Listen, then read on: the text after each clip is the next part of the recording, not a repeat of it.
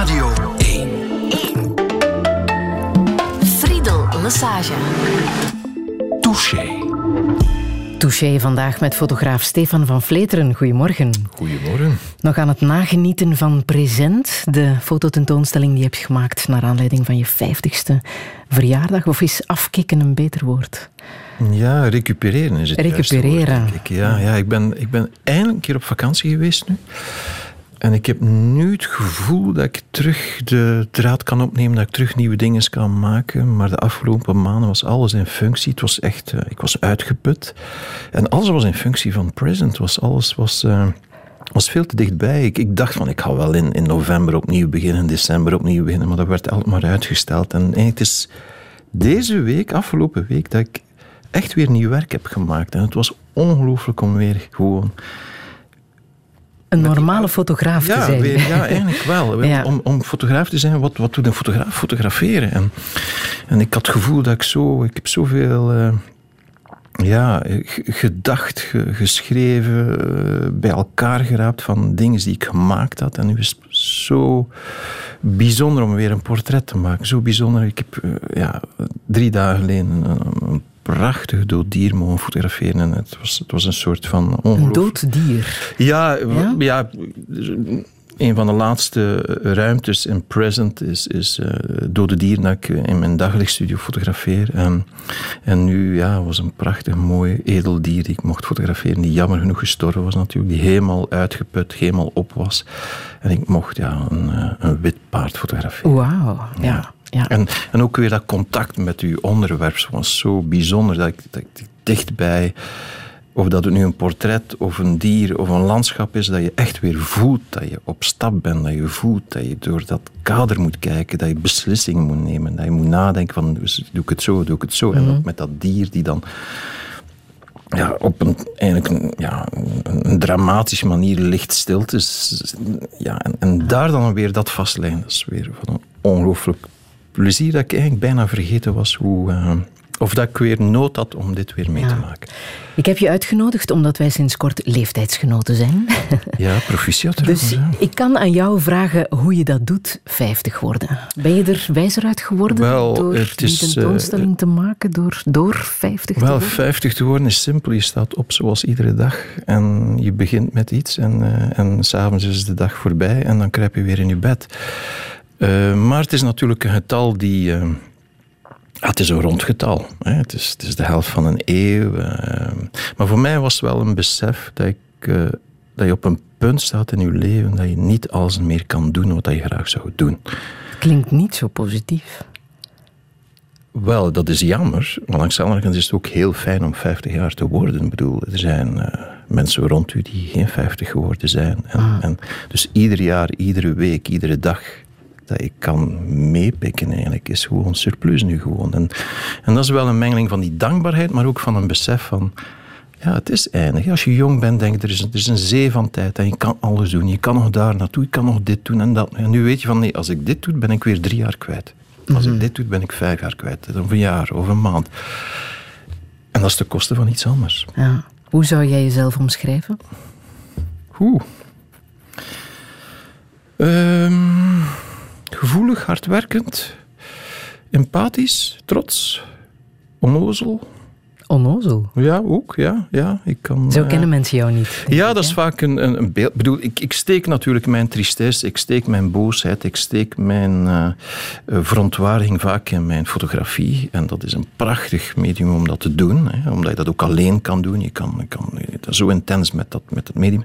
Maar er zit ook een enorme nozele kant in mij, een plezier. Ik bedoel, ik ben ook een levensgenieter. Hè, met, en dat is vaak ja, een verkeerd beeld dat mensen hebben. Die, die, die zien mij altijd als... Ah ja, als ze naar mijn werk kijken, denken ze... Het is, het is een triestige man die, uh, die in zichzelf verkeerd is... en die, die, die, die wat door de straten struint. En, maar ik kan ongelooflijk plezier maken. Ik vind het veel prettig om nozel te doen. Dus uh, dat zit er ook in. En, en uh, ja, Doet het jou een plezier als ze over jou zeggen hij is een gearriveerd fotograaf, hij is de Flandrien van de fotografen? Oh, gearriveerd? Oh nee, dat vind ik verschrikkelijk. Ja? ja? dat vind ik verschrikkelijk. Ik heb het nog niet gehoord trouwens. Eigenlijk. Heb je het gehoord dat ik gearriveerd ben? Toch heel mooie termen die daarmee te maken hebben. Oeh, nee. nee, het is een etappe, denk ik. Ik denk, als je het dan toch met wielrennen moet vergelijken. Ik zit nu ergens uh, in de tweede week van de Tour de France. En er is nog een zware week te gaan. En, uh, en dan zien we wel hoe ah, ver ja. we kunnen.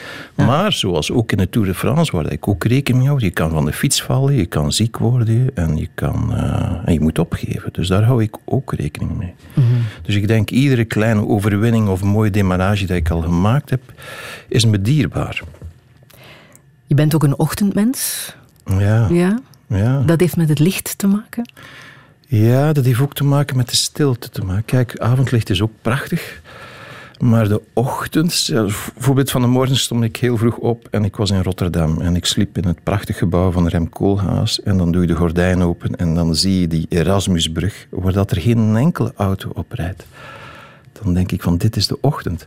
Als je de valavond kijkt, ja, dan, is, dan staat er file op die, op die brug. En dat is het mooie soms aan de ochtend. Het gevoel dat je alleen op de wereld bent. Het gevoel dat iedereen nog slaapt. Dat iedereen nog ergens in dat bed ligt.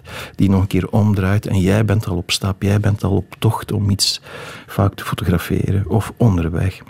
En dat is een heel mooi gevoel. Mm, en het prachtige licht natuurlijk. Ja. Een man ook van rituelen. Zo omschrijf je jezelf in, uh, in je boek. Ja, en dat heeft te maken, denk ik, dat ik op zoek ben naar rustpunten, naar dingen waar ik kan terugkeren vanwege de chaos die mijn leven is, vanwege de chaos die de wereld is, vanwege de chaos die de straat is.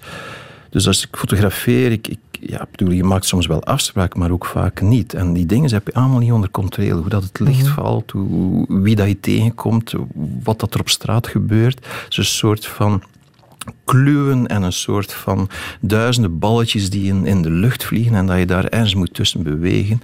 En dan vind ik het wel heel fijn om ergens rustpunten te vinden waardoor dat je in die chaos toch structuur vindt.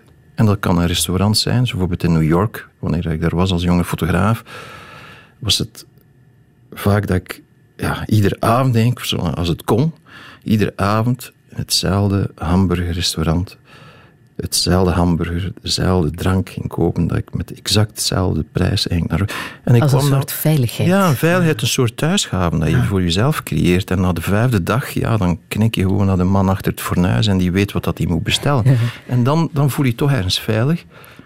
En dat maakt ook heel veel ruimte om dan die chaos net te trotseren en geen schrik te hebben van die chaos. Stefan van Vleteren, welkom in Touché.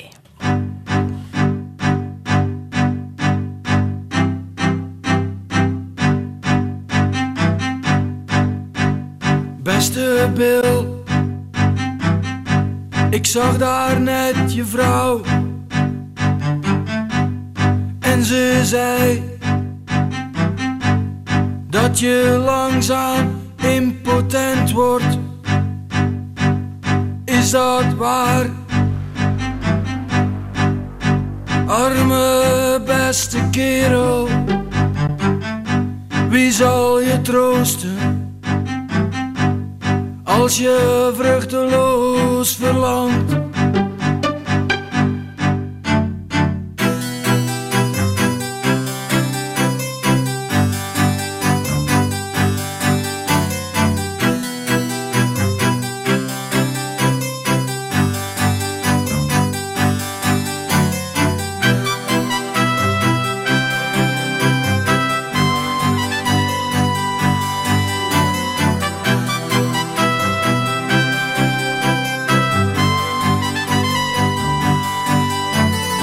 Beste pil.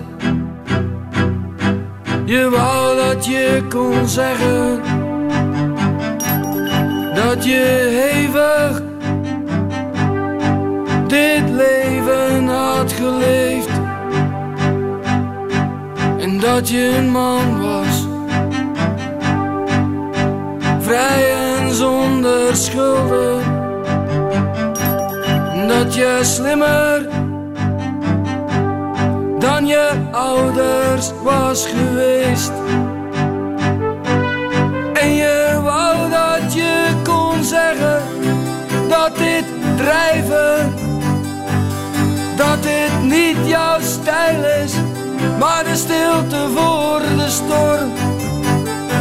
En dat je muren kan breken, ijzer kan smeden, als het brandt van winner.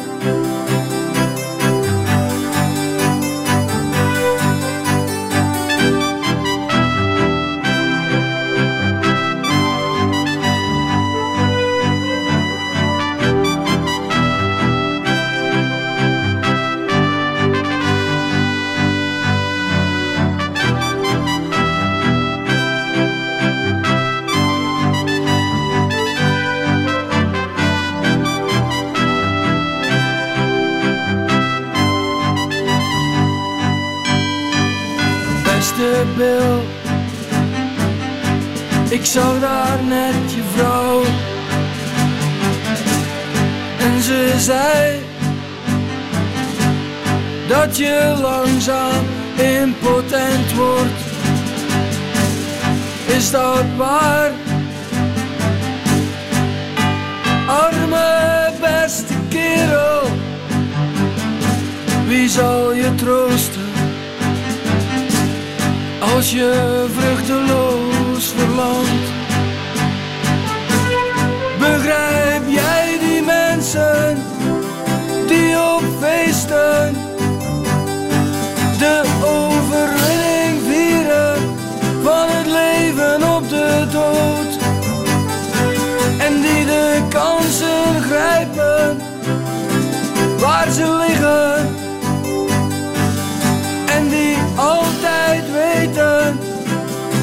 wat ze doen.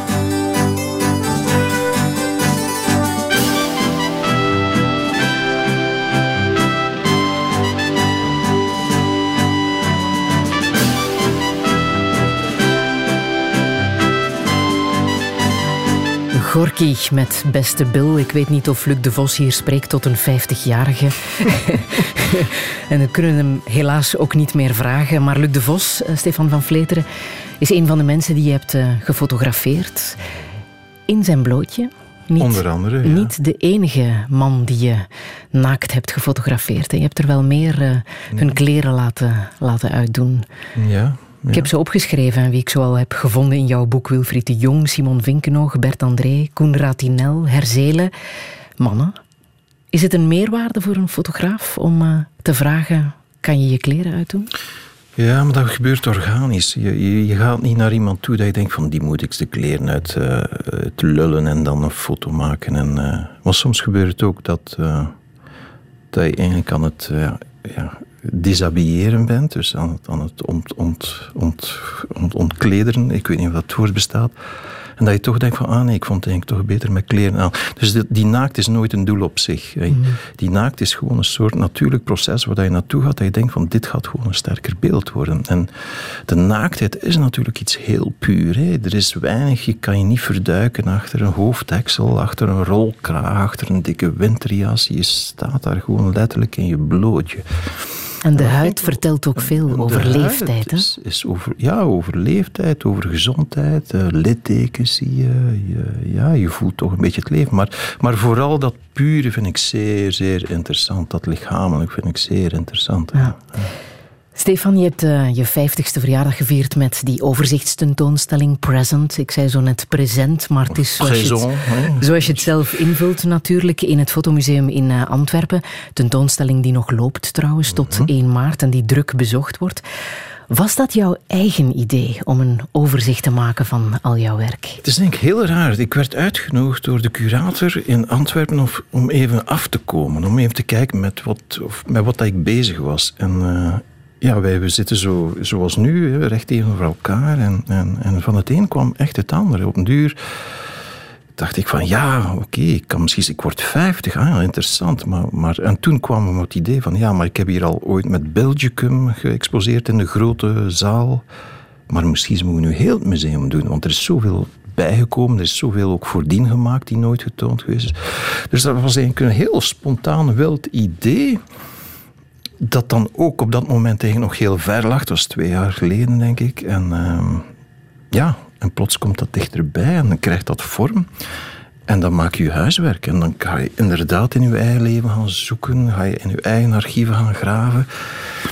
En dan kom je tot de constatatie dat je eigenlijk een prachtig vol leven hebt gehad. En dat je daar en dan ook heel dankbaar voor bent. Ah. Je bent in je kelder gedoken, hè? letterlijk, om je archieven te doorploeteren. Kelder zwart geschilderd, allemaal kleine fotootjes gemaakt van wat je in die tentoonstelling wou tonen. Het was een huzarenwerkje om daarin te duiken. Hoe confronterend was dat om al die heftig. Ja, dat was heftig. open te maken? Ja, omdat ik had het zwaar onderschat. Ik dacht, dit, dit, dit wordt even twee, drie maanden wat, wat ploegen en dingen. Maar uh, het was veel intenser. En wat ik ook had gedaan, ik had uh, mijn laptopje meegenomen. En als ik over de lichtbank naar mijn negatieven aan kijken en ik had een gedachte of een inzicht of ergens iets die terugkwam, dan ging ik direct naar die laptop begon ik te schrijven. En dat is eigenlijk helemaal uit de hand gelopen. Dat schrijven is eigenlijk heel belangrijk geworden in een soort van zoektocht, maar ook verwerking, inzicht. Je, kijkt niet alleen intens naar je archief, maar je bent verplicht om jezelf ook vragen te stellen. Waarom dat je sommige dingen doet, waarom dat je opdrachten hebt aan, waarom bijvoorbeeld, je vraagt aan iemand om zijn kleren uit te doen. Waarom vraag je dat? En wat gebeurt er? Wat gebeurt er als je een portret maakt? Hoe, hoe, wat gebeurt tussen die, die, die kleine, intense ontmoeting? Eigenlijk sta je daar te weinig bij stil. Maar door nu eigenlijk dit jaar, eigenlijk helemaal het afgelopen jaar, daar goed over na te denken, goed te kijken naar dingen die je vergeten was, dingen die terugkomen, dingen die je dacht die anders waren of dat je ze in je geheugen had uh, geplant. En dat was heel confronterend. Heel confronterend. Zo confronterend zelf dat ik op een gegeven moment in de zomer, was, was echt mijn dieptepunt eigenlijk, wanneer dat ook iedereen was op vakantie, uh, mijn familie was op vakantie met de kinderen, mijn vrouw met de kinderen, mijn vrienden waren weg en ik zat daar in dat keldertje te werken en ik had alleen geen reserve meer, er was al zoveel maanden van, van en ik, ik, ik knakte bijna. Ik, ik bedoel, ik, ik was mentaal zo uitgeput. En er was ook natuurlijk de factor stress. Er was de, ja, dat kwam dichterbij. En terwijl werd dat hoofd maar voller en voller van ja, dingen die je, die je beleefd hebt, maar die nu eigenlijk allemaal in dat hoofd weer terugkeren. Want is een spreiding van 30 jaar die eigenlijk in een paar maanden in je hoofd steekt. En, en dat is eh, niet te onderschatten, zeker omdat er geen uitlaatklep Er was geen ventieltje die je kon opendraaien door te gaan fotograferen en dan plots weer in de natuur te staan en een landschap te fotograferen of een portret van een, van een leuke man of een bijzondere vrouw waar hij dan ook even kan mee praten. En, en nee, er was een soort van terugtrekking en het constant nadenken, ook de weekenden, dat liep allemaal door. De avond, ik zat met die laptop en, en, en s'nachts op, op de wandeling. Dat was eigenlijk mijn ontspanning, gaan wandelen met mijn hond. Maar ook daar stond ik dan soms tien minuten stil om op mijn gsm een gedachte te tokkelen die ik niet mocht vergeten en dan straks moest verwerken. Gewoon. Dus het was constant, constant dat hoofd die eigenlijk tolde. En dat was nieuw voor mij. En was de opening eind oktober, was dat het grote ventiel dat uh, gelost werd? Ja. Want toen kon je eindelijk tonen waar je al die maanden mee bezig was geweest. Ja, maar openingen zijn ook het heel bijzonder. Het, is, het, is, het was een heel bijzondere opening. Ja, er was ook heel veel volk. Veel, ik heb vrienden die er waren gewoon niet gezien. Er stond een gigantische rij aan te schuiven, wat waarschijnlijk nog nooit is gebeurd bij een tentoonstelling. Ja, dat heb ik dan ook later op de avond begrepen ook. maar ik, ik ben gered geweest door gin tonic. Dus ik heb de hele avond uh, heftig uh, iets gedronken, waardoor dat ik me eigenlijk door die avond op een prettige manier toch heb kunnen doorploegen. En het was, het was fijn om te zien dat heel veel mensen kwamen. Het was ook heel fijn om te zien dat mensen ook ontroerd zijn, die geraakt worden. En er was een grote verbondenheid, vond ik. Ja, ja, eigenlijk wel. Ik zag plots dat ik heel veel mensen rond mij heb die mij graag zien, die ik graag terugzie op, op een of andere manier, die, uh, die iets betekenen voor mij of omgekeerd. Uh, ja, je, ziet, uh, je ziet mensen die je gefotografeerd hebt. En dat is het mooie als je iemand fotografeert. Soms, er zijn mensen die ik maar een uur heb ontmoet in mijn leven, maar door die intensiteit is er toch een soort van broederschap ontstaan. Een soort van, ik noem het geen vriendschap, maar we hebben samen iets gemaakt, als het, als het goed gebeurd is natuurlijk, die, die nooit meer weggaat. En dan heb je natuurlijk het maken zelf. En dan heb je ook natuurlijk dat resultaat. En dat resultaat is natuurlijk iets die, die langer meegaat, maar die vaak ook weer refereert naar, weet je nog, toen we daar stonden en dat dat gebeurde.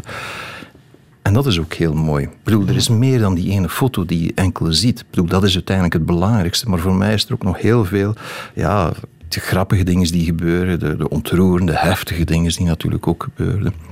En dat zie je dan ook terug. Als je bijvoorbeeld iemand als Roland van Kampenhout terugziet, of een Wilfried de Jong, dan, dan bruist er van alles weer naar boven. Van, oh ja, dat was een... En dat is het mooie ook aan mijn vak, dat het alleen niet een resultaat is, maar dat het ook iets is van ontmoeting. En die twee maken dat, dat, dat ik zo dankbaar ben om fotograaf te zijn.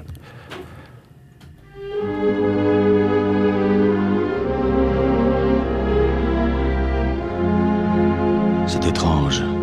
Je ne sais pas ce qui m'arrive ce soir. Je te regarde comme pour la première fois. Encore des mots, toujours des mots, les mêmes mots. Je ne sais plus comment te dire. Rien que des mots. Mais tu es cette belle histoire d'amour que je ne cesserai jamais de lire. Des mots faciles, des mots fragiles, c'était trop beau. Tu es d'hier et de demain. Bien trop beau. De toujours, ma seule vérité. Mais c'est fini, le temps des rêves. Les souvenirs se fanent aussi quand qui fait chanter le violon et emporte au loin le parfum des roses. Caramel, bonbon et chocolat. Par moments, je ne te comprends pas. Merci pas pour moi, mais tu peux bien les offrir à une autre qui aime le vent et le parfum des roses. Moi, les mots tendres enrobés de douceur se posent sur ma bouche, mais jamais sur mon cœur.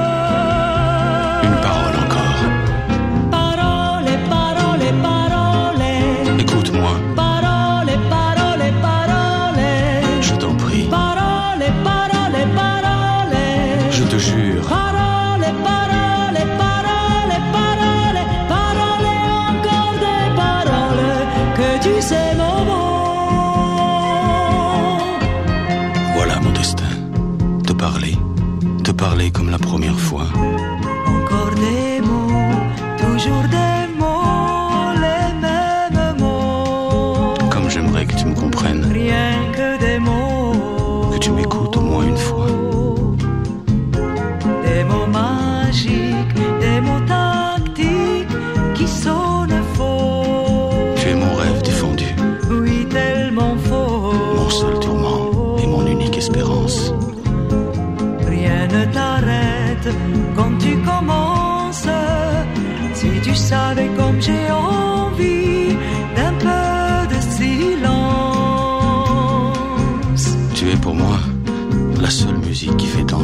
Étoiles sur les dunes. Caramel, bonbon et chocolat. Si tu n'existais pas déjà, je t'inventerais. Merci pas pour moi, mais tu peux bien les offrir à une autre qui aime les étoiles sur les dunes. Moi, les mots tendres enrobés de douceur se posent sur ma bouche, mais jamais sur mon cœur.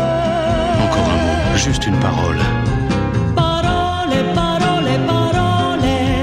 Écoute-moi, Parole, parole, parole. je t'en prie, Parole, parole, parole. je te jure.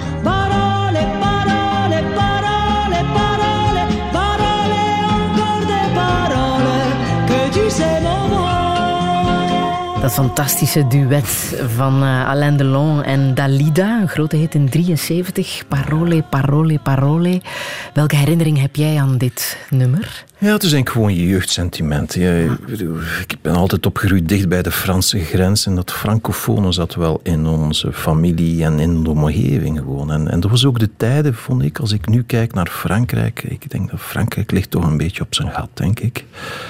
En toen was Frankrijk nog een gidsland, ook in cultuur en muziek en de Franse film. hè. Ik denk Alain Delon, die eigenlijk een, acteur was, maar ja, dan denk ik aan Belmondo, aan Lino Ventura, aan, aan de films van Merville. En, en ik heb de indruk dat de Franse taal eigenlijk uh, veel aan het verliezen is. Ja. Is het ook dat tragische verhaal van Dalida? Dat, dat speelt ook mee, maar goed, dat, dat staat los van dat nummer natuurlijk. Maar ja, Dalida zelfmoord, ook haar uh, drie mannen, alle drie zelfmoord. Dus het zelfmoord zit wel rond haar.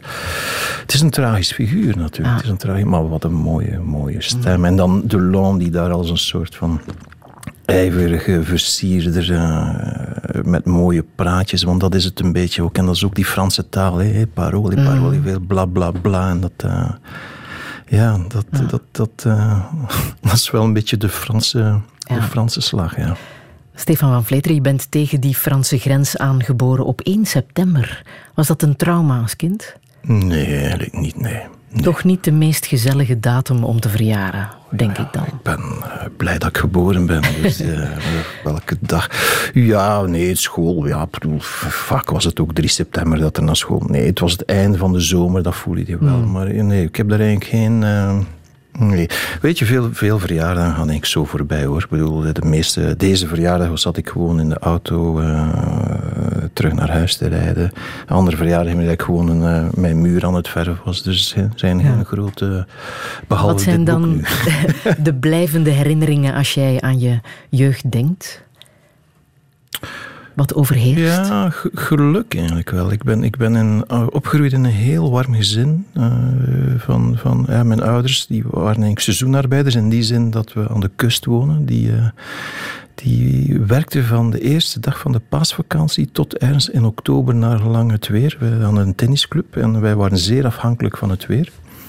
En de winter was, uh, werkte mijn ouders eigenlijk niet. Ja, mijn vader deed wel uh, tennisraketten besnaren en dat soort dingen. Maar eigenlijk was er stilte. Dus ik heb nooit op zomervakantie met mijn ouders gaan. De zomervakantie ken ik niet op reis gaan. Mm De zomervakantie was gewoon bij ons thuis. Ik bedoel, de, de mensen van het binnenland kwamen naar, naar uh, Oostduinkerken op vakantie.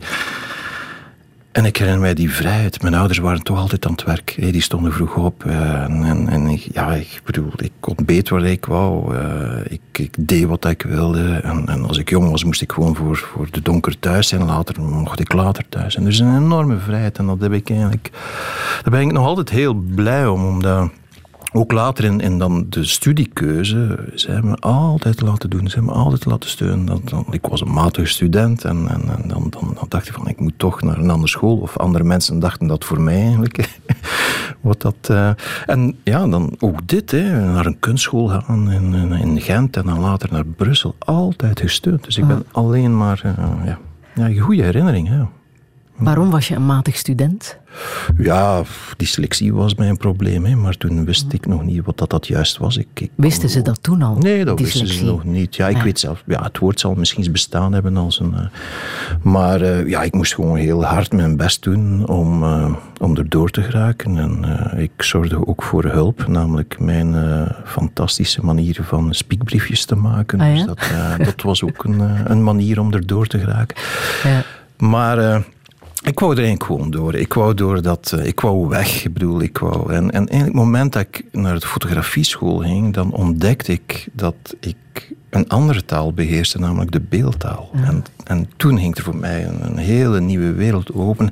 En ook dan het leren zelf, als het, als het interessant was, als het over, uh, ik denk maar, uh, geschiedenis, over de kunstgeschiedenis ging, of over, over bepaalde dingen in fotografie, ja, dan, dan kon ik die leerstof wel heel goed absorberen. En het was ineens ook een taal die jij kon spreken, het Esperanto van de beeldtaal. Ja, zo, zo heb ik het omschreven. Ja, maar het was de eerste keer dat ik merkte dat andere mensen aan het aan het sukkelen waren om iets in beeld te brengen. Terwijl voor mij was het zo duidelijk. Ik kon die, die, dat voorwerp dat we dat moesten fotograferen in de studio, ik kon dat dan daar leggen. Ik, ik, ik herkadreerde een beetje. Ik draaide dan een lamp en er kwam daar een degelijke foto uit. Hmm. En dat was een gemak die ik nog nooit had meegemaakt. Alles was, was zwoegen eigenlijk. Het eerste fototoestel is er één dat je hebt gekregen van je vader, hè? Mhm, waar hij zelf ook nog mee heeft Ja, ja hij fotografeerde daar ook mee. En, uh, en op een gegeven moment zegt hij van, ik denk dat het misschien wel iets voor jou is. En, ja. uh, en wat voor toestel was dat een, precies? Pentax Spotmatic. Dat je nog altijd hebt? Absoluut, het is zelf eh, te zien in de tentoonstelling. Want je hebt altijd je toestellen bijgehouden, hè? Dat is iets wat je niet weggooit. Je, je verkoopt geen, uh, geen, geen toestellen, vind ik. Iets die zo dicht bij jou is, die zo trouw, die je mooie dingen heeft kunnen laten maken, doe je niet weg. Dat is mij te dierbaar. En voor het geld dat je ervoor krijgt, moet je het ook niet doen. Want ook, ook mijn toestellen verslijten ook hard. Ik, ik ben heel... Uh, ik ben geen, uh, ja, ik bedoel, geen doetje met mijn toestellen die, die krijgen. Dus één, je krijgt er weinig geld. Maar twee ook, ja, het is het is iets die, die zo... Ja, het is, ik, ik omschrijf het ook alsof dat je je vrouw zou afzetten op de parking van een uh, parenclub. Zo, zo voelt het ook aan. Dus nee, een toestel mag je niet wegdoen, vind ik. Ah, oh. nee. um, je hebt de evolutie van de toestellen natuurlijk meegemaakt. Hè? Je bent uh, begonnen en voor veel mensen ben je nog altijd de zwart-wit fotograaf. Ondertussen is daar heel veel gebeurd op die 33 jaar. Ja, sommigen denken zelf nog dat ik analoge fotografie doe. Dat mhm. dat eigenlijk al acht jaar niet meer het geval is. Ja. Ja, maar, maar, is dat, is dat een, voor jou een positieve evolutie?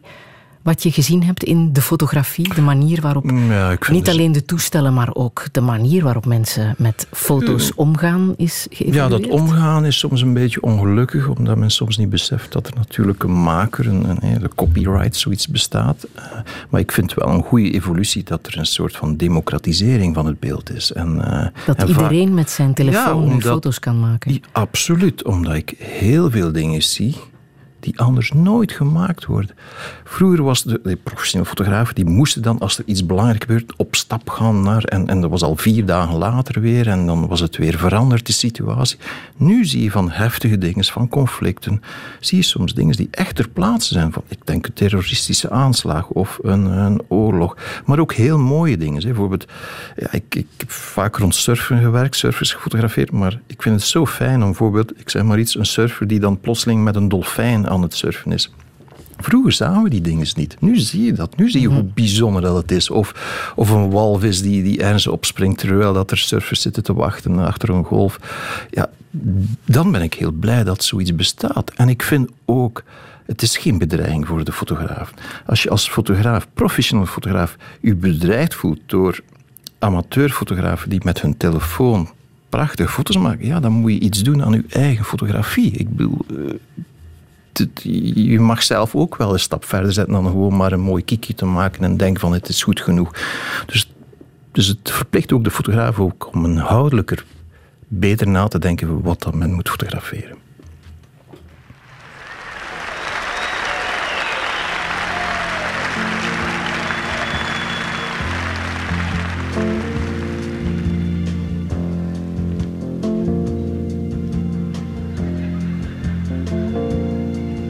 I just can't help believing when she smiles up soft and gentle with a trace of misty morning and a promise of tomorrow in her eyes.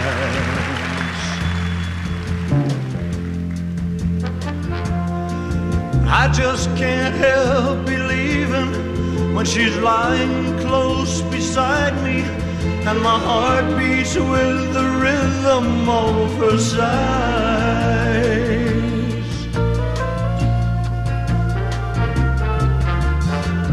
This time the girl is gonna stay. This time the girl is gonna stay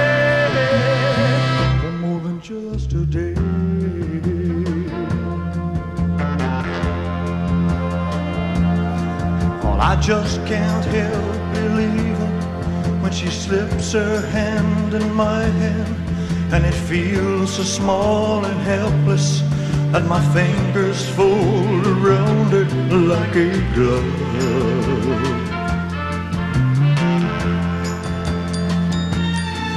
I just can't help believing when she's whispering her magic and her tears are shining honey sweet with love.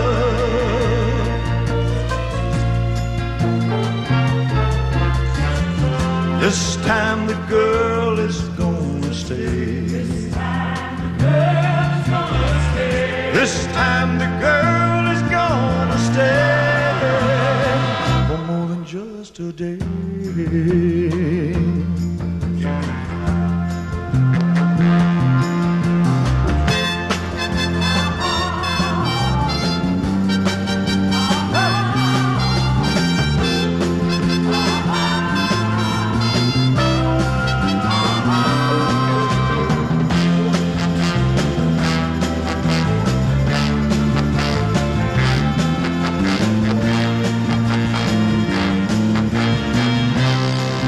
Just Can't Help Believing van uh, Elvis Presley. Stefan van Vleteren, je lacht. Het is een all-time favorite. Hè. Zonder Elvis kan, kunnen we geen radio-uitzending, geen interview maken natuurlijk. Die hoort erbij.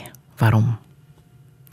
Ja, Elvis is natuurlijk, heeft zo'n impact gehad in de muziekwereld. Maar ook voor mij, ik vind het ook iets heel visueel. Hè. Eh, Elvis, iedereen, als je denkt aan Elvis, je hoort hem, maar je ziet hem ook. En ja, het is ook, eh, ook ik weet dat hij zijn eigen teksten niet maakt, maar de overtuiging met zijn prachtige stem, hoe dat hij zoiets goed kan overbrengen, word ik altijd zo gelukkig van. En ook dit weer is eigenlijk minder, minder gekend nummer, maar ik vind het zo mooi. En ik vind het ook een ode aan de liefde. This time this girl is gonna stay. Hè?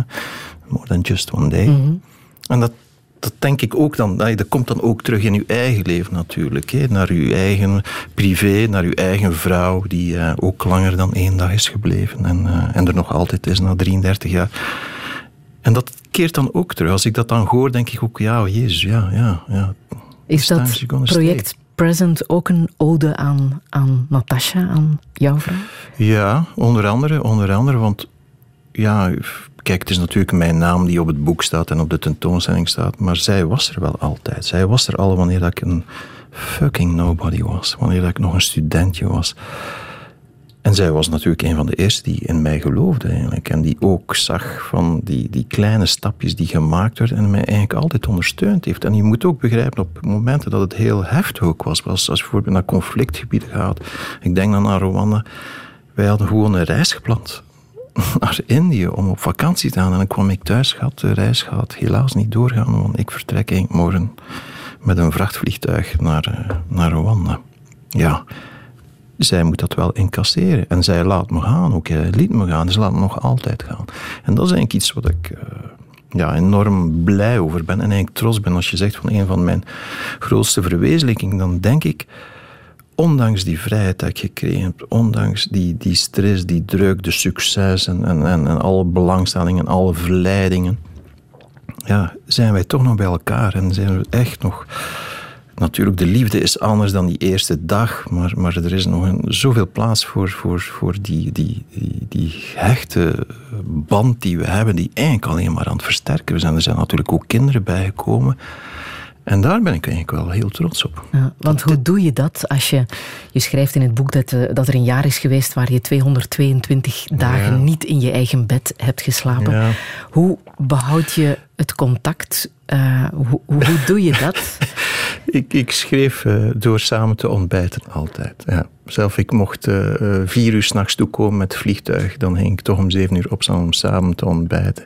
Maar hoe doe je dat? Ja, dat is natuurlijk een klein grapje, maar het is wel waar. En hoe doe je dat ook? Denk ik, als je terug dat je ook weer aanwezig bent. Niet, niet als dominante figuur, maar gewoon uh, je moet niet klagen dat je moe bent. Je moet niet klagen dat, het, uh, dat je leven heftig is. Want ja, je vrouw is, is soms alleen met de drie kinderen en jij zit dan daar aan een, op een prachtig strand wat surfers te fotograferen. Dus daar moet je nooit over klagen. En als ik thuis ben, wil ik dan ook wel zijn. Natuurlijk, ik werk ook dan wel wanneer ik thuis ben, maar, maar ik, ja, ik voel toch wel ik wil dan niet als een soort van suffe man in de zetel zitten te puffen en dan denken we, ah, onze vader is thuis en je is weer moe. Nee, dan wil ik er ook echt wel zijn. En ik denk dat dat een van de geheimen is om, mm. om toch bij elkaar te blijven. En ook goed beseffen van, wat je samen hebt is zo bijzonder. En die kleine verleidingen, als het dan over seks had, zijn eigenlijk onbetekenend. Zijn mm. maar uh, vluchtige dingen. En dat is het me gewoon niet waard. Je zegt, uh, ik ben begonnen als een fucking nobody en uh, mm. daar heeft uh, Natasha in geloofd. Um, je hebt een traject afgelegd als, als student. Die eerste foto van de kunstenaar Delvaux, mm. die voor jou ontzettend belangrijk is geweest. Je traject bij De Morgen, waar je zonder geld bij een arme krant heel veel kansen hebt gekregen. Een creatieve, um, ja. ja. Is die anonimiteit ook, ook nodig geweest om fotograaf te worden? Ja, dat is een van de, de dingen die ik jammer vind die ik kwijt ben, die anonimiteit. Ja, ja er zijn gebeurd na Belgicum. Voor Belgicum kende niemand. Mensen kenden mijn werk wel en zagen een naam onder mijn foto staan, maar eigenlijk niemand wist hoe dat ik er juist, behalve sommige. Ja. ja. En dat ben je kwijt. En dat is nu nog verder doorgeschoten. Eigenlijk. Nu, nu is het zelfs zo dat je af en toe herkend werd op straat of zo. En, en, maar ik heb het geluk, ik heb eigenlijk een heel, uh, heel beschaafd publiek, vind ik. ik mm. vind, uh, soms krijg ik een knikje of, een, of gewoon een, een oprechte bedanking. En, en, en, soms doen we dat ook heel veel deugd als mensen geraakt worden of iets, aan iets wat je gemaakt hebt, iets gehad hebben. Ja. Het was die anonieme fotograaf, toen nog, bij de morgen die uh, mij zo erg raakte en die ik uitnodigde. Onze levens hebben elkaar voor het eerst gekruist. Ik heb het even teruggezocht. Op 16 december 2005. Toen had je nog geen boek uit, nog geen expositie. Je was die fabuleuze fotograaf uh, van de morgen. Ik heb je toen uitgenodigd voor het programma Het Beste Moet Nog Komen. En jou toen ook die vraag gesteld: Moet het beste nog komen? En dit, dit was toen jouw antwoord. Ik hoop dat ik het geld bij elkaar vind om, om een boek over uh, België te maken volgend jaar. Dus als, als, ik, als ik dat zou kunnen. Uh, maar ja, zoiets kost geld. Dus, uh, Met de mensen, de gebouwen, de landschappen? Ja, gewoon de, het België gezien door, de door één fotograaf. Door een fotograaf. Ja, toen was het echt nog een droom. Ja, ongelooflijk. Weet je dat twee dagen nadat ik dat het uitgesproken in jouw programma, dat er een, uh, een jonge man kwam. Je kreeg telefoon. En ik kreeg telefoon. En, en twee Die ook al de redactie had gebeld om jouw nummer te krijgen. Ja, en, en twee dagen later stond hij echt bij mij thuis. Ik zie hem nog uh, zijn auto parkeren en uitstappen. En ik dacht van, oh, wat een jonge uitgever is dit.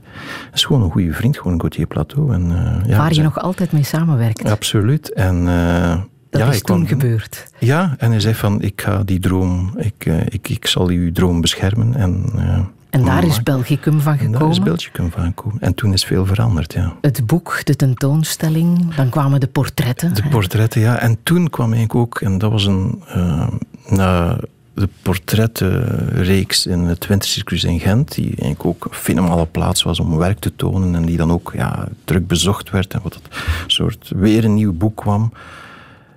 Maar ja, het heeft me wel losgeweekt van, van de krantenmorgen, waar ik eigenlijk heel mijn leven toen eigenlijk aan, aan, te danken had en opgebouwd had. Omdat ik besefte, ik had de liefde voor het fotoboek helemaal in, uh, ja, was mij helemaal betoverd. Dus die actualiteit vond ik minder belangrijk dus ik was eigenlijk meer op zoek naar dieper. En een fotoboek kan het echt wel geven. Ja. Ja, ja. Je hebt zoveel mensen gefotografeerd. Je zegt zelf in het boek: ik kon zien of iemand op zijn hoogtepunt was, of die zich goed voelde of in een dipje zat. Ja, dat geloof ik wel. Ja. Kan jij voor jezelf zeggen wanneer jij op je hoogtepunt uh, was? Nee, Nee, een spiegel is bedrog, denk ik. Dus uh, ik, kijk nooit, ik kijk nooit goed echt naar mezelf als fysiek. Kan je het zien in je foto's? Mm, ik, ik, ik denk dat je het zou kunnen gezien hebben mocht ik dezelfde fotograaf gebleven zijn. Moest ik bijvoorbeeld uh, krantenfotograaf gebleven zijn, dan denk ik dat mijn werk niet meer zo goed zou geweest zijn. Denk ik. Dus het is goed om te veranderen. Het is, in ja, je evolueert, je zoekt anderen, je krijgt ook nieuwe interesses. Je verandert zelf ook natuurlijk. Je interesses veranderen, maar ook je wordt matuurder. Je, maar ook fysiek verandert er ook dingen. Ik bedoel, ik heb niet meer de snelheid van 20, 30 jaar geleden om als een kleine, snelle, hoe zou ik het zeggen, uh, muis doorheen de massa te lopen om ergens een, uh, een, een, minister te fotograferen die uh, de wedstrijd 16 verlaat. Dus die, die snelheid heb ik niet meer en die wil ik dat vind ik ook niet meer erg. Ik heb iets anders gekregen. Dus, uh, en dat, dat zoek ik nu uit. Dus in die zin, nee, nee er is niet. Ja, nee. ik, ik vind iedere fase tot nu toe, ik hoop dat het zo blijft natuurlijk, vind ik op zich uh, nuttig geweest en interessant geweest. En ik begrijp dat sommige mensen sommige bepaalde delen minder interessant vinden, maar dat is niet mijn probleem niet. Ik, bedoel, ik maak wat ik denk dat ik moet maken. En ik volg mijn, uh, ik volg mijn imago niet. Ik, ik denk niet in functie van wat andere mensen mooi of wat dat ooit succesvol is. Nee, je, je, je puurt iets uit en wanneer dat je eigenlijk heel die kamer ieder, ieder, onder iedere mat of achter ieder gordijn gekeken hebt en je denkt van die kamer ken ik nu, dan ga ik naar een andere kamer. Een tiental jaar geleden ben je met je uh, eigen uitgeverij begonnen, hè? Uh, Cannibaal. Um, was dat ook de stap die je, die je moest maken? Is eigenlijk bij toeval gebeurd. Is begonnen met een boek over Eddie Merckx met, met prachtige teksten en, en prachtige archiefmateriaal. En, en ja, toen, toen bleek dat boek eigenlijk wel succesvol te zijn. En er kwam dan een tweede boek en een derde boek. En voordat ik wist, zat ik nog een keer ja, boeken te maken samen met vrienden. En dan ja, moet je de keuze maken, doe je door, doe je niet door. We hebben beslist om door te gaan. Ja. Maar was het... Uh de beslissing op het juiste moment. Je was toen veertig ongeveer. Ja, ja, maar dingen zo vervallen nu weer. Ja. Je, ja, dat is ook het mooie, dat je, je moet openstaan voor dingen en je moet niet alles proberen te controleren en plangewijs te maken. En zeker vind ik als fotograaf is een constant iets wat dat je doet, is reageren op veranderde situaties. Het licht verandert. Ah, ik moet iets anders doen. Oei, het wordt nog een keer eh, druk. Ik moet iets anders doen. Of net, net niet. Of ik moet... Dus je, fotografie is een constant anticiperen op dingen die veranderen. En dat is ook het mooie. Ik bedoel, ik ben geen kunstenaar die de wereld naar zijn hand zet. Hè, van die begint van niks en die zegt van ik ga hier die streep zetten. Ik ga hier dat kleur maken. Nee, die kleuren worden voor mij beslist. En natuurlijk, ieder fotograaf heeft zijn eigen oog en zijn eigen keuzes, gelukkig maar.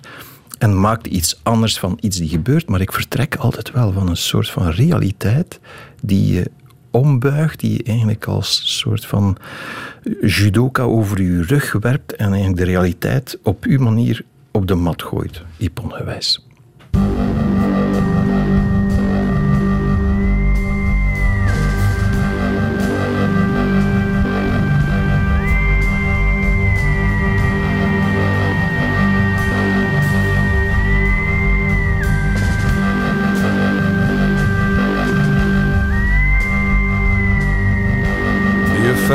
Sky and crash landed in a field near the River Adur.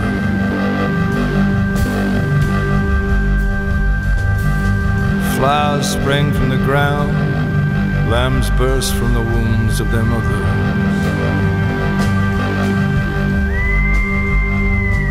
In a hole beneath the bridge you convalesced, you fashioned a mast of twigs and clay.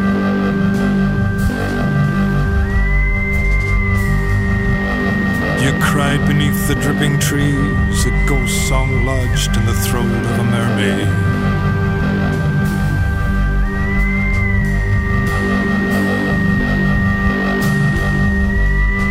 With my voice, I am calling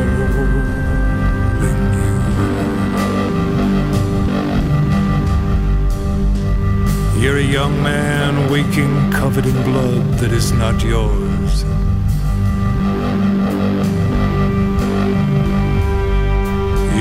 Woman in a yellow dress, surrounded by a charm of hummingbirds.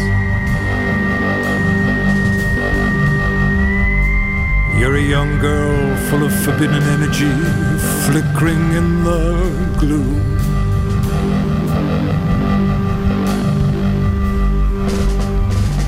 You're a drug addict lying on your back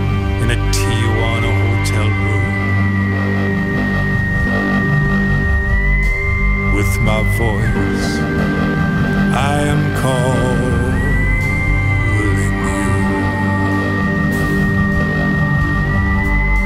With my voice, I am calling you.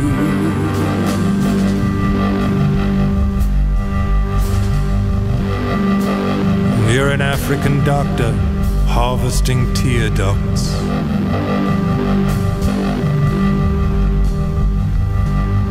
You believe in God, but you get no special dispensation for this belief now.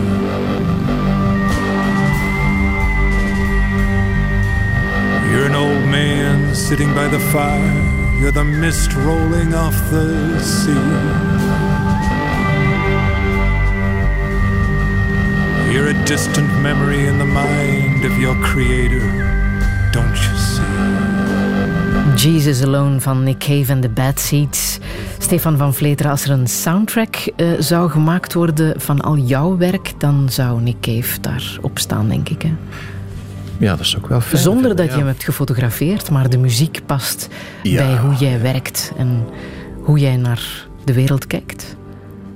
Ja, ergens is, is wat dat niet Cave maakt, raakt me eigenlijk altijd. En vooral zeker zijn laatste periode vind ik geweldig. Hoe rustiger dat hij wordt, hoe dichter ik precies bij hem kan komen. Ja. Mijn hoofd, ja, vind ik, ja. Uh, ja, ik vind het een prachtige man. Ik vind ook wat dat hij ook nu doet. Het is altijd een beetje zo de mythe geweest, maar nu met zijn tour, waar je mensen gewoon uit het publiek vragen kunnen stellen. Conversations binnenkort in, ja, in Brussel. Dat vind ik heel moedig. Hoor. Je staat daar en iemand kan een heel vervelende vraag stellen. Natuurlijk, hij heeft natuurlijk zijn fans, die, die, die, maar toch, het blijft, hij blijft heel kwetsbaar. En hij stelt zich enorm open aan die kwetsbaarheid. En dat vind ik heel mooi. Hij kon hem perfect verduiken achter een soort mythische figuur van hey, de, de vleermuis uit Australië. En dat doet hij niet. En dat vind ik zeer interessant, wat, dat, hij, wat dat hij durft eigenlijk. En, en dat was voor mij ook een reden om bijvoorbeeld terug naar de teksten van Prison te gaan, ook daar door te schrijven over wat dat je bezighoudt en dingen echt zwart op wit te zetten, maak je eigenlijk ook jezelf kwetsbaar voor andere mensen, wat je kan, ja, mensen kritiek zouden kunnen op hebben. Maar ik dacht ook van, dit moet je gewoon doen. En dat vind ik fijn dat, uh, ja, dat zo'n groot kunstenaar als Nick Cave dat denk ik, op een veel groter niveau doet. Ja, uh, Hoe kom jij tot rust? Door te fotograferen. En als het niet fotograferen is? Dat wordt moeilijk, Friedel. Ja, ja. Ja. dat is het mooie aan fotografie. Die, uh, het is een soort van concentratie die gebeurt in je hoofd. En waardoor dat er een soort van ik, ja, een rinsing, een soort van uh, zuivering gebeurt in je geest. Waardoor dat het heel puur, er wordt heel veel uitgeschakeld en er blijft heel weinig over. Maar dat ene die overblijft geeft enorm veel rust en een soort van hyperconcentratie. Waardoor dat je je geest afsluit aan veel dingen die rond u gebeuren. Het is ook een stil vak, hè? Zelfs als jij portretteert, praat je liever niet. Ja, als dat kan. Soms, soms kan dat niet, maar uh, mm -hmm. als, dat, als dat kan, ga ik naar de stilte. Ja. En dat is heel fijn als je dan met iemand die die stilte ook begrijpt en die aanvaardt. En dat het eigenlijk een soort van kleine dans is met heel kleine instructies. En, ja, en dan is enkel beeld daar. En, en, en, dat is wat dat fotografie zo mooi maakt. Het is een heel klein broertje in de kunst, maar dat stille, intieme van een foto is zo onklopbaar, vind ik. Het beweegt niet, het zegt niks, het toont maar iets heel klein. Het is één zinnetje in jouw boek, maar het refereert naar yoga. Doe jij yoga? Je zegt iets uh, over je yogalerares. Ja, ze, ze lacht me af en toe uit. Dus ik probeer yoga te doen, ja. Maar ik ben dramatisch. dramatisch ben ik, ja. Je hoeft daar niet goed in te zijn, hè? Daar gaat nee, het niet over. En, en, en, soms val ik gewoon in slaap. Dat is de bedoeling. En dan snurk ik zelf, tot, tot de ergernis van mijn, uh, de, de, de mensen die naast me liggen. Ah. Er zijn wel wat fotografen die uh, films hebben gemaakt. Anton Corbijn, om er maar één te noemen, die mm-hmm. jouw werk ook fantastisch vindt. Wim Wenders, uh, waarvan ik uh, muziek kan laten horen, want Paris, Texas is ja. jouw favoriete film. Ja, het is een film die belangrijk geweest is in, in een soort mijn volwassenwording. Het is een film die, die voor mij zo binnenkwam. Het was precies de eerste keer dat ik iets, een artistieke film, hoe lullig dat het ook klinkt, die helemaal binnenkwam en die ik precies begreep. Ja.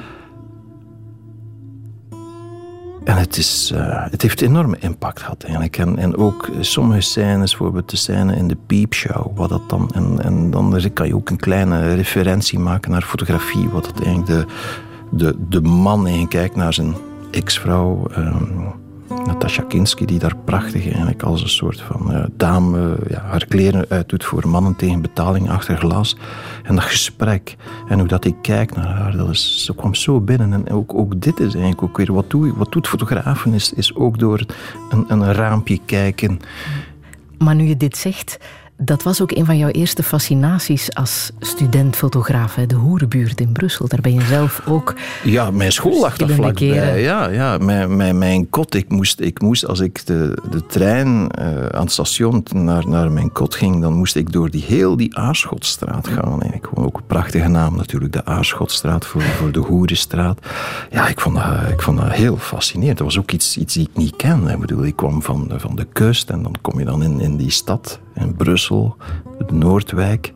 Ja, dat vond ik heel fascinerend. Ja, ja. Je hebt Wim Wenders gefotografeerd in Cannes, dacht ik? In Cannes, ja, ja. Heb je het hem gezegd? Ik heb het vergeten te zeggen. Echt waar? Ja, en, en ja, ik, ik vond het... Ehm, ja, ik, niet dat ik zenuwachtig was, maar, maar de, de, er was weinig tijd. En, ehm, en dan wil je iedere, iedere halve minuut, iedere tien seconden, iedere seconde gebruiken om toch maar proberen een zo goed mogelijk beeld te maken. Maar ik dacht van, ik het nog zeggen wanneer ik het want dat was eigenlijk zeer aangenaam en zeer beleefd.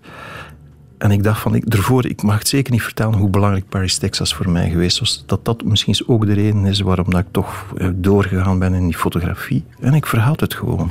Ergens toch was een soort van... Ja, ja, je moet decompressie. En voordat je het weet, in kan is de, de, de, vijf seconden decompressie staat uh, Wim Wenders al iemand anders, uh, wordt al door iemand anders gefotografeerd. Ja. Behalve Wim Wenders, wie zijn nog meer jouw helden als het over fotografie gaat? Ja, de meeste helden zijn dood. De fotografen die ik echt bewonderde, zijn, de meeste zijn eigenlijk dood. Ja. Niet dat ik heb blijven steken in, in, in oude fotografie, maar ik ben wel een vrij klassieke fotograaf. En mijn grote voorbeelden zijn mensen die inderdaad ja, de vorige eeuw, eh, in, in, eh, zelfs, zelfs nog in, in, ja, die, die heel klassiek fotografeerden. We praten na het nieuws verder. Stefan van Vleteren. Radio Massage. Touché. Touché vandaag met mijn leeftijdsgenoot, fotograaf Stefan van Vleteren. Hij viert zijn halve eeuw met de magistrale tentoonstelling Present, die nog tot 1 maart te zien is in het Fotomuseum in Antwerpen. Zijn dyslexie deed hem de taal van het beeld ontdekken. Met het fototoestel van zijn vader won hij zijn eerste wedstrijd, een beeld van de duinen. Tussen zijn eerste en laatste foto liggen nauwelijks een paar kilometer. Hoeveel hij ook van de wereld heeft gezien, zijn heimat is West-Vlaanderen, Veurne. Daar is zijn thuis, zijn gezin, zijn hond, zijn studio, zijn uitgeverij. Maar wat na je vijftigste? Kan je jezelf nog heruitvinden? Wat is geluk? En is hij voorbereid op de eindigheid? Dit is Touché met Stefan van Vleteren. Een zeer goede middag. It's coming to pass. My country's coming apart. The whole thing's becoming such a bumbling farce. Was that a pivotal historical moment we just went stumbling past? Well, here we are, dancing in the rumbling dark. So come a little closer, give me something to grasp. Give me your beautiful, crumbling heart. Another disaster, catharsis, another half discarded mirage, another mask slips. I face off with the physical, my head's ringing from the love of the stars. There is too much pretense here, and too much depends on the fragile wages and extortionate rents here. We're working every dread day that is given us Feeling like the person people meet really isn't us. Like we're gonna buckle underneath the trouble. Like any minute now, the struggle's gonna finish us. And then we smile at all our friends. It's hard. We got our heads down and our hackles up, our backs against the wall. I can feel you aching. None of this was written in stone. There is nothing we're forbidden to know. And I can feel things changing. Even when I'm weak and I'm breaking, I stand weeping at the train station. Cause I can see your faces. There is so much peace to be found in people's faces.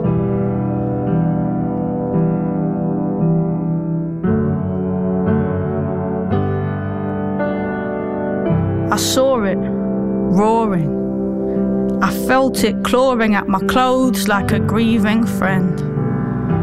It said there are no new beginnings until everybody sees that the old ways need to end. But it's hard to accept that we're all one and the same flesh, given the rampant divisions between oppressor and oppressed. But we are, though. More empathy, less greed, more respect. All I've got to say has already been said. I mean, you heard it from yourself when you were lying in your bed and couldn't sleep, thinking, couldn't we be doing this differently? I'm listening to every little whisper in the distance singing hymns, and I can. I can feel things changing, but it's so hard. We got our heads down and our hackles up, our backs against the wall. I can feel your heart racing. None of this was written in stone. The current's fast, but the river moves slow, and I can feel things changing. Even when I'm weak and I'm breaking, I stand weeping at the train station, cause I can see your faces. There is so much peace to be found in people's faces. De Britse Kate Tempest met een uh, geweldig nummer, hè? People's Faces. Je zit heel geconcentreerd te luisteren, Stefan van Vleteren. Ja, het blijft mij raken. Het is een soort... Ja, het is poetry natuurlijk, spoken word. Maar het heeft ook iets preekachtig, vind ik. Het, is, het heeft heel veel inzicht, maar preken heeft een hele negatieve betekenis van de pastoor, van de zondags. Hij heeft het over alles wat slecht gaat in de wereld. Ja. Maar er is ook less hoop, greed, hè? less greed, more respect, Ja. eh, more empathy. Eh, Dat is ook mooi. Maar ook mooi natuurlijk dat ze de rust vindt in, in, in people's faces, vind ik ook natuurlijk prachtig en herkenbaar. Ja. Het, het, het, eh, de scho- het schoonheid van het gezicht. Ja. Is dat ook zelfs als je in het midden van de grootste gruwel staat, voor jou eh, troost geweest? De gezichten van mensen? Want je hebt eh, Rwanda gezien bijvoorbeeld, hè, om het Ja, ergste ja. te noemen. Je bent net na de genocide ben je door Rwanda getrokken. Ja, maar toen had ik nog niet de gave om het gezicht op een goede, interessante manier te capteren eigenlijk. Toen was ik nog te veel eh, reportagefotograaf, of ik was dat gewoon, dat was niet te En veel. nog jong, 24. En zeer jong, zeer onervaren. Daar heb ik heel veel gemiste kansen gezien natuurlijk. En, eh, maar desondanks denk ik van, ja, het is eigenlijk ongelooflijk dat ik als zo jonge gast van 24 jaar zo oner- oner- onervaren op een plaats was waar dat, ja, denk ik, een van de meest gruwelijke dingen gebeurd zijn in de geschiedenis van de mens, denk ik. En, Ja. en dat is denk ik ook bevestigd door vele ge- ja, ervaren oorlogsfotografen die, die zeiden, ja, Rwanda was het ergste. Dat was het ergste. En dan loop je daar als onervaren broekventje met je camera, je, je werkt amper al voor de krant eh, je, en, en, en je wordt daar in een soort van eh, wereld gegooid die, die eh, zo groot en zo onvatbaar is, zo gruwelijk is. Ja, en dan, ja, dan was ik gewoon bezig van kijk, hoe kan ik dit op een zo goed mogelijke manier te vatten eigenlijk. Dat was mijn taak. En, en prijs me soms ook gelukkig dat ik nog geen vader was. Ik prijs me gelukkig dat ik misschien ook nog naïef was. Dat ik ook een soort van jonge, ambitieuze eh, jonge man was die zeer nieuwsgierig was. Ik denk, moest ik nu misschien eens met daar staan, ondanks ervaring, ondanks misschien wat meer levenswijsheid, zou, zou ik misschien eens eh, meer last hebben dan dat ik toen had. Ja.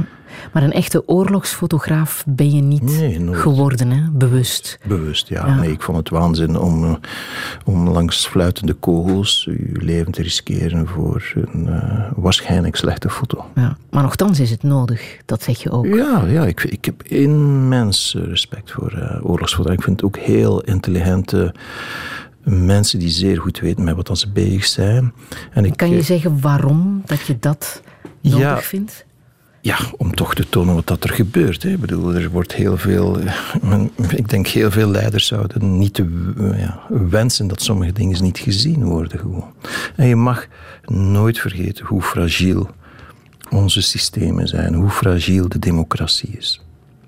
En hoe, hoe snel het kan omkeren door dingen te zeggen, door, door dingen te doen. Bij Rwanda was het vliegtuig van de president neerhalen, maar er was natuurlijk heel veel voorbereiding naartoe. Via de radio, hè. ook een krachtig medium. Dan zie je die structuren en die manieren om eigenlijk mensen te brainwashen of tot punten te laten komen dat mensen gruwelijke dingen doen. Dat vond ik ook zo mooi aan die reeks van Terug naar Rwanda, die afgelopen jaar, die fantastisch was, om die, die twee verschillende mensen bij elkaar terug te brengen en zich af te vragen wat er gebeurt. En daar ook soms heel veel ook weer vergiffenis en troost in te vinden. En dit moeten we blijven bewaken en heel bewust mee zijn van gelukkig dat er zo mensen zijn. Je hebt journalisten die iets schrijven, je hebt schrijvers die boeken schrijven, je hebt mensen die voordrachten geven en je hebt fotografen die op die plaats gaan. En als iemand zegt, ja, dat zijn de cowboys, dan word ik heel boos. Want die cowboys brengen soms een soort van kudde van informatie toch bij elkaar om te tonen van, kijk, dit, dit gebeurt daar. Dit gebeurt in Syrië, dit gebeurt in Irak. Het ergste beeld voor jouzelf dat jij hebt gemaakt in Rwanda was een vrouw die tijdens de mhm. bevalling is gestorven. Mhm. Een beeld dat je niet toont. Nee. nee. Waar je alleen over schrijft. Ja. Ja. Om... Ligt daar voor jou de grens? Nee. Het was gewoon een slechte foto. Het was een slechte foto van iets heel belangrijk van dat twee dingen bij elkaar komen, namelijk de dood en de geboorte. Het begin van het leven en het einde van het leven. En daar, dat vind ik heel jammer dat ik toen, wanneer ik daar stond, niet op de juiste manier dat ene beeld heb gemaakt. Want dit, dit zou zoveel zijn, het is zo gruwelijk. Maar ik denk dat het een heel belangrijk beeld is en dat heb ik gemist, denk ik. En ja, een slecht beeld die dan eigenlijk half aanraakt. Ik heb het ook maar één keer geklikt. Dat zegt ook al iets. Eén keer. Dat zegt meestal dat ik, ik heb daar waarschijnlijk zeer zitten twijfelen van wat Was je meer mens en minder fotograaf op dat moment? Ook. En, en ja, maar soms ja. Fotograaf en mens gaan voor mij bij elkaar eigenlijk. Ja. Ja. En, en, en hoe gruwelijk dat het ook was, het was ook verdorie gruwelijk. Ja, het was dramatisch, gruwelijk van een omvang die ongezien was van, wat is het, 800.000 tot een miljoen mensen die afgeslacht geweest zijn. Ja, dan moet je dat ook tonen, want eigenlijk kan je dat niet vatten. Cijfers zijn niet te vatten. 800.000 was, als we zeggen, ja, een stad zoals uh, Antwerpen of, of, of, of, Brussel zijn in, in een paar maanden tijd helemaal uitgemoord. Dan kan je al iets voorstellen. Maar soms moet je ook. Ja, ja ik had die ervaring niet. Dat, en, en, ja, en dan kon ik nog misschien zijn dat ik het niet ging gebruiken, maar ik had het wel willen maken en dan nog kunnen beslissen van toon ik het ah. en publiceer ik het. Ah. En bij mij is deze middelmatige foto van iets heel gruwelijk niet verder gekomen dan een teststrookje in mijn destijds donkere kamer en weer opgebouwd. En het was heel vreemd wanneer ik op, op zoek was dat ik dacht van, ik wist niet meer of dat ik effectief had gezien wat ik gezien had. Ik twijfelde aan mijn geheugen. Maar je had het wel degelijk gezien. Ja, ja. En het zit nog in jouw geheugen. Ergens zat het daartussen, ja. De foto die afgelopen week de wereld is rondgegaan, is eh, de foto van de bosbranden in Australië. Mhm. Met het beeld ook van een kangoeroe. Een huppelende kangoeroe. Ja. Heeft jou dat geraakt? Ja, eigenlijk wel, ja. Eigenlijk wel, omdat... Kijk, er is, is er gruwelijk drama. Ik bedoel, en, en door eh, de klimaatveranderingen en de droogte en dan met de combinatie van, van misschien ook slecht te reageren of te traag te reageren. Uh, en dan, dan zie je, er zijn natuurlijk mensen gestorven, maar dan zie je natuurlijk ook al die dieren die gestorven zijn. En het is soms gruwelijk. Het, het, drama van onze wereld is dingen die niet meer te herstellen zijn. Oh. Iets dat definitief weg is. En hier staat er op, voor sommige dingen denk ik, zitten we over die grens. Zijn er dingen die niet meer te herstellen zijn. Sommige dingen zijn echt kantje boordje, denk ik. En dat is zeer, zeer dramatisch. Ik wil een paar zinnen voorlezen uit jouw uh, boek. Want je bent ook een beetje een schrijver. Ik heb twee dagen aan jouw boek gelezen. Ik vond het geweldig. De wereld gaat om zeep door overbevolking, oorlog en vervuiling en wij zijn bezig met onbenulligheden. Kneuterigheid, overbescherming, regelneverij. Alles moet kraaknet zijn, gezond straalt. Opgekuist, gebotoxt. Onze maatschappij is terminaal ziek en wij zijn bezig met een jeugdpuisje uit te duwen voor een blinkende spiegel. Ik ergerde mij aan het verkeersbord met het opschrift Gevaarlijke berm. Daarin zit veel, hè? Ja, dat was een gedachte die kwam wanneer ik eh, over Friesland. Ik had ooit een opdracht voor een eh, museum in Leeuwarden dat ik Friesland mocht fotograferen. En ik vond het. Uh, Je dacht eerst saai. Hier gebeurt super saai. Er gebeurde, er gebeurde ook niks. En inderdaad, die overbescherming, een zachte berm. Nee, dan dacht ik ook van dit is niet gevaarlijk. Een bermbom, dat is gevaarlijk. Maar geen zachte berm, omdat het een beetje slecht gemaaid was. Ik dacht van, waar zijn we mee bezig? Ik bedoel, de prioriteiten liggen zoveel op andere plaatsen dan dat soort onbenulligheden. Beseffen wij te weinig hoe goed ik denk dat wel, hier hebben? Ik denk dat wel. En natuurlijk, als je de luxe hebt om, om beschermend te zijn, is het goed. Hè? Er is, het is goed dat er fietspaden zijn, dat er veilig verkeer is, dat er gezondheid. Tuurlijk is het zo. Maar we verliezen toch heel veel andere dingen uit het oog. Mhm. Je hebt altijd graag uh, mensen gefotografeerd die dicht bij de natuur staan. Hè? De vissers, de boeren, de mensen die nog naar de lucht kijken om te weten wat voor weer het wordt. Ja, ja. Ook dat doen we niet meer. Nu kijken de satellieten naar beneden om te kijken op onze buienradar welk weer het is. Ja. Zo omgekeerde wereld. Vroeger keek de mens naar omhoog en nu wordt er naar beneden gekeken. We kijken niet meer naar de echte wereld? Te weinig, denk ik. En het heeft te maken omdat er ook heel veel te zien is. Er is heel veel afleiding. Eh, als je kijkt, die multitasking nou we doen, we, we zien het zeker ook. Ik zie het bij mijn kinderen. Ze kijken televisie, maar terwijl ook op een iPhone. En we zijn niet meer gewoon om één iets zeer goed te doen. En dat vond ik zo mooi als ik bijvoorbeeld die dode dieren aan het fotograferen was. Dat ik zeer lang en zeer intens en goed keek naar hoe mooi een pimpelmeesje wel kan zijn. Welk wonder dat dat eigenlijk is van kleuren en, en, en die, die tinten die verandert. En dan ook die prachtige snavel of die bruinvis dat ik fotografeer. Wat een mooi design is dat toch niet? Welk wonder is dat niet? Zeker als je dan nog voelde wat soort, die zachte, ja ik weet het niet, een soort rubberachtige. En die snavel en die tanden die dan ook nog zo... Ja, zo mooi. En ja, we zien wel een vis, maar, maar, maar door zo een hele week eigenlijk enkel maar uh, bruinvis te fotograferen, word je betoverd door, door zoiets mooi. Hm.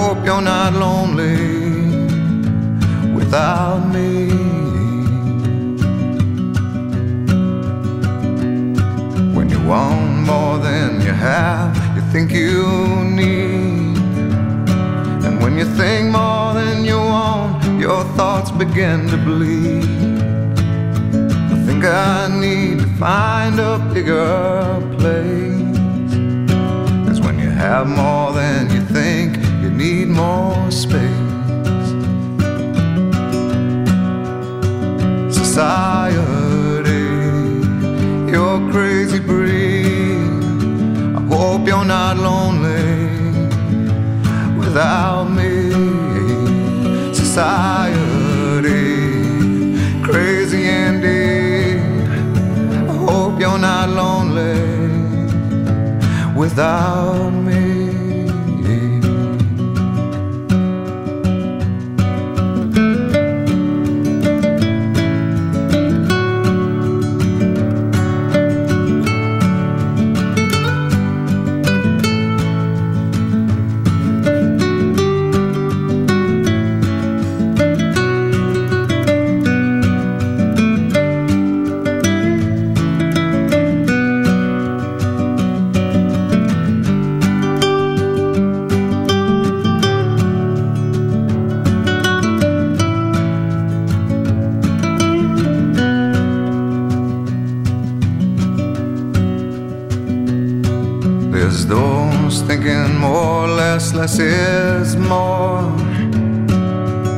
less is more, how you keeping score? It means for every point you make, your level drops. Kinda like you're starting from the top.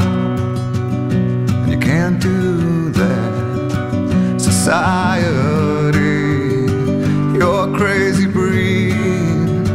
I hope you're not lonely without. Society, crazy indeed.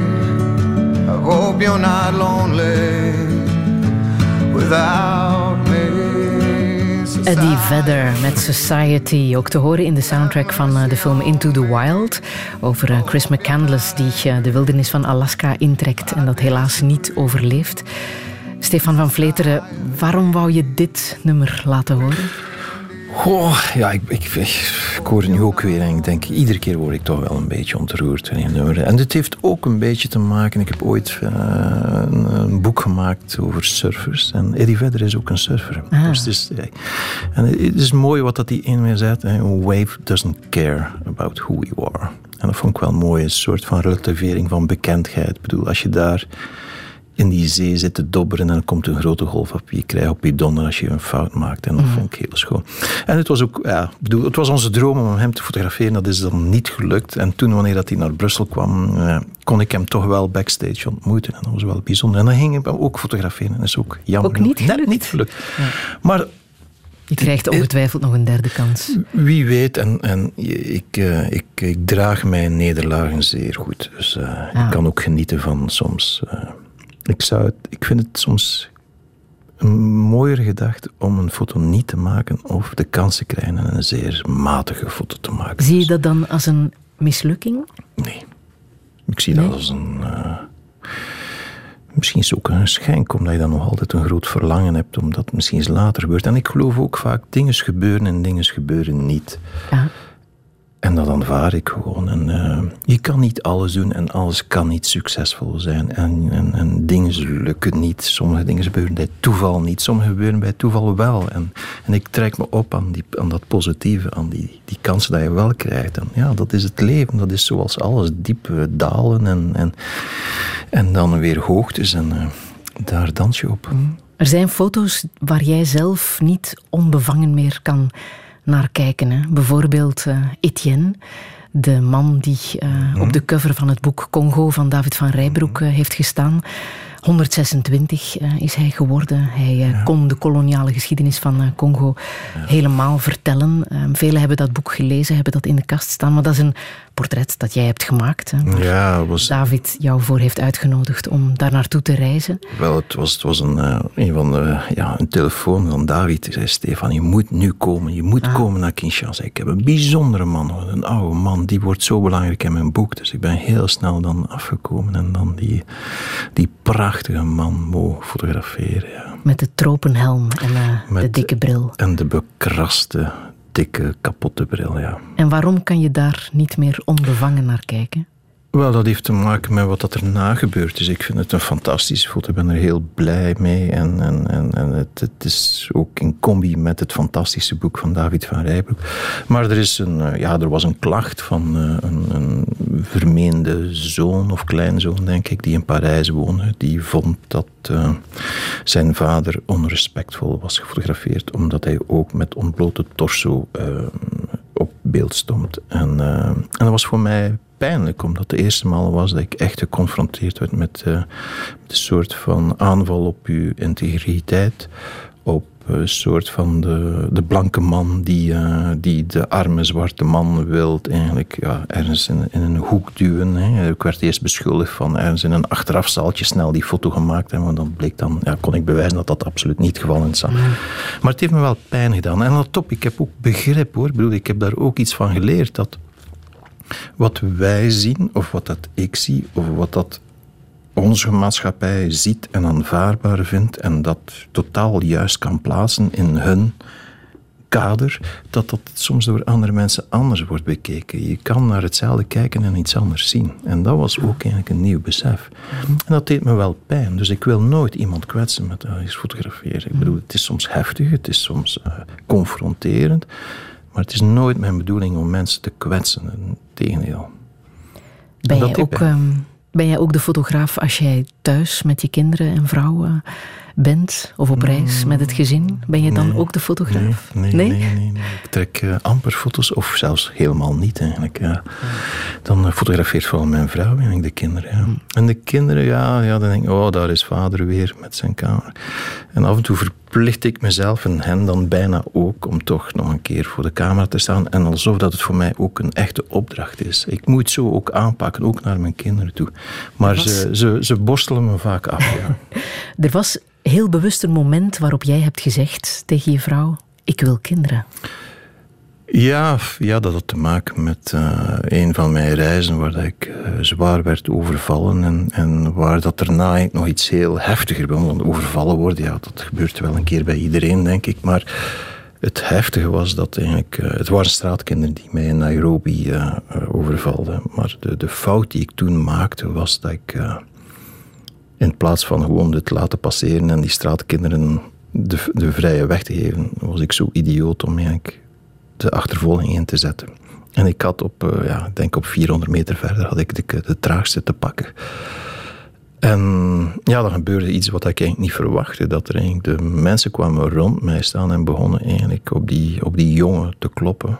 En uh, voordat ik door had, besefte ik dat ze eigenlijk die jongen wilden vermoorden. Omdat er, is, was heel veel criminaliteit toen.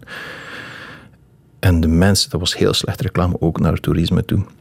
Dus die mensen reageerden dit eigenlijk gewoon af op die straatkinderen. En als er dan iemand gepakt werd, dan werd uh, ja, en, en, en, ja, die, die, dat, dat kind was, ja, men, men bleef slaan en schoppen. En, uh, het was eigenlijk een gruwelijke scène die tamelijk lang heeft geduurd.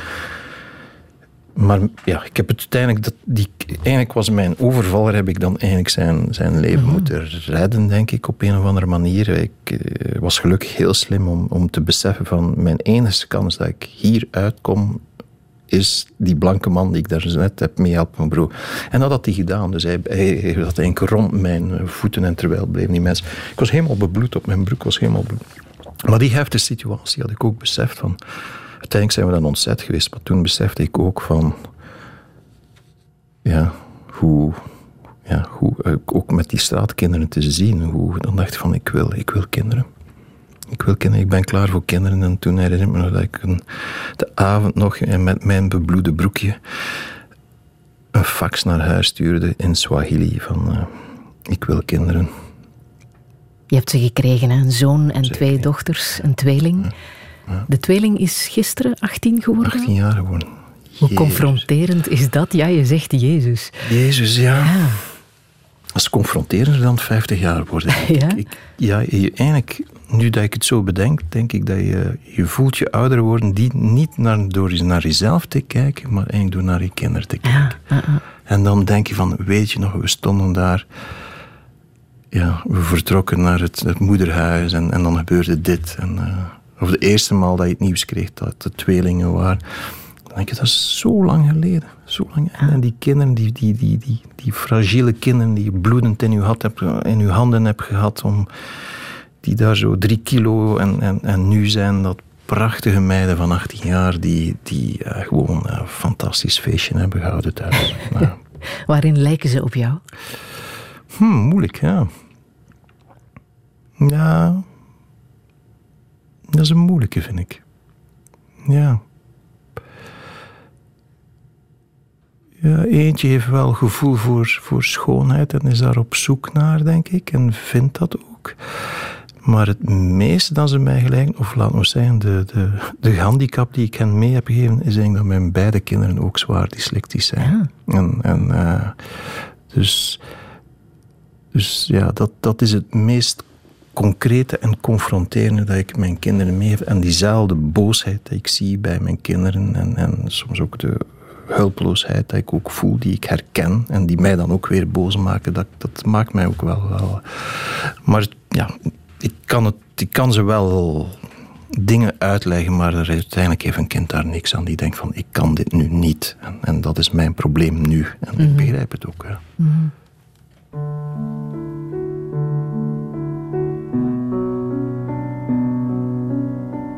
Bien sûr, il y a les guerres d'Irlande et les peuplades sans musique. Bien sûr, tout ce manque de tendre. Il n'y a plus d'Amérique.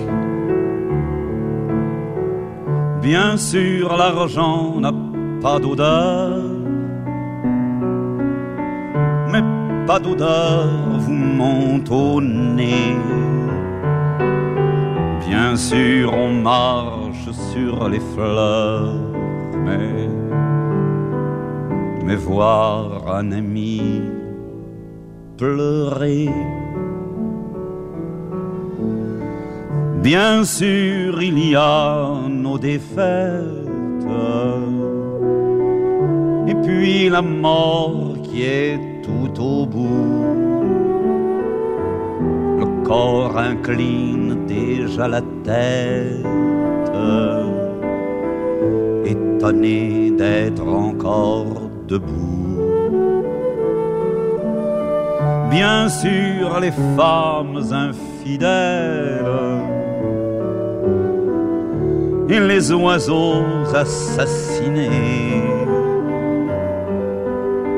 Bien sûr, nos cœurs perdent leurs ailes, mais, mais voir un ami pleurer. Bien sûr, ces villes épuisées par ces enfants de cinquante ans. Notre impuissance à les aider. Et nos amours qui ont mal aux dents. Bien sûr, le temps qui va trop vite. Ces métros remplis de noyés. La vérité qui nous évite, mais, mais voir un ami pleurer. Bien sûr, nos miroirs sont intègres, ni le courage d'être juif, ni l'élégance d'être nègre. On se croit mèche, on n'est que suif. Et tous ces hommes qui sont nos frères, tellement qu'on n'est plus étonné que par amour ils nous lacèrent, mais, mais voir un ami pleurer. Jacques Brel, Voir un ami pleurer. Stefan van Vleteren, je zei zelf, triestige nummers zijn. Vleteren kiest in Touché. ja, ja. Maar, kan je het uitleggen? Waarom?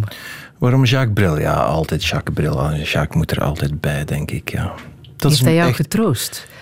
Ja, veel toch, ja. ja. Het is iemand die vaak onderweg is met mij, ja. ja. die, die, die, die in mijn reizen of in mijn... Uh, in de auto, ja, wat ik wel heel veel aan heb, mm. ja. Hij is net geen 50 geworden. Voorstelbaar, ja. ja. ja. ja soms denk ik, hoeveel nummers staat er nog in die prachtige man? Mm. Wij zijn wel 50 geworden. Jij op 1 september.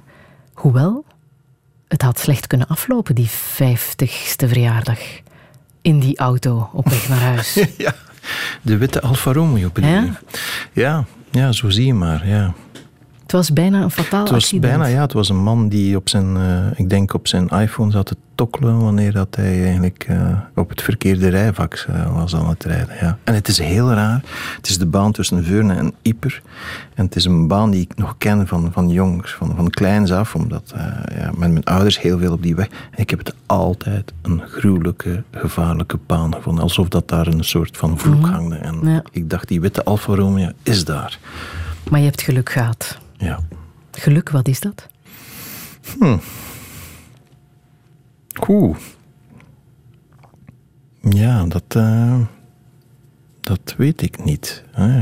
Je schrijft in jouw boek een heel mooie zin daarover. Je zegt: Mensen die ehm, goed kunnen vergeten, zijn vaak het gelukkigst. Dat helpt. Dat helpt. Ik denk ook mensen die iets te doen hebben, zijn ook gelukkig, denk ik. Hm.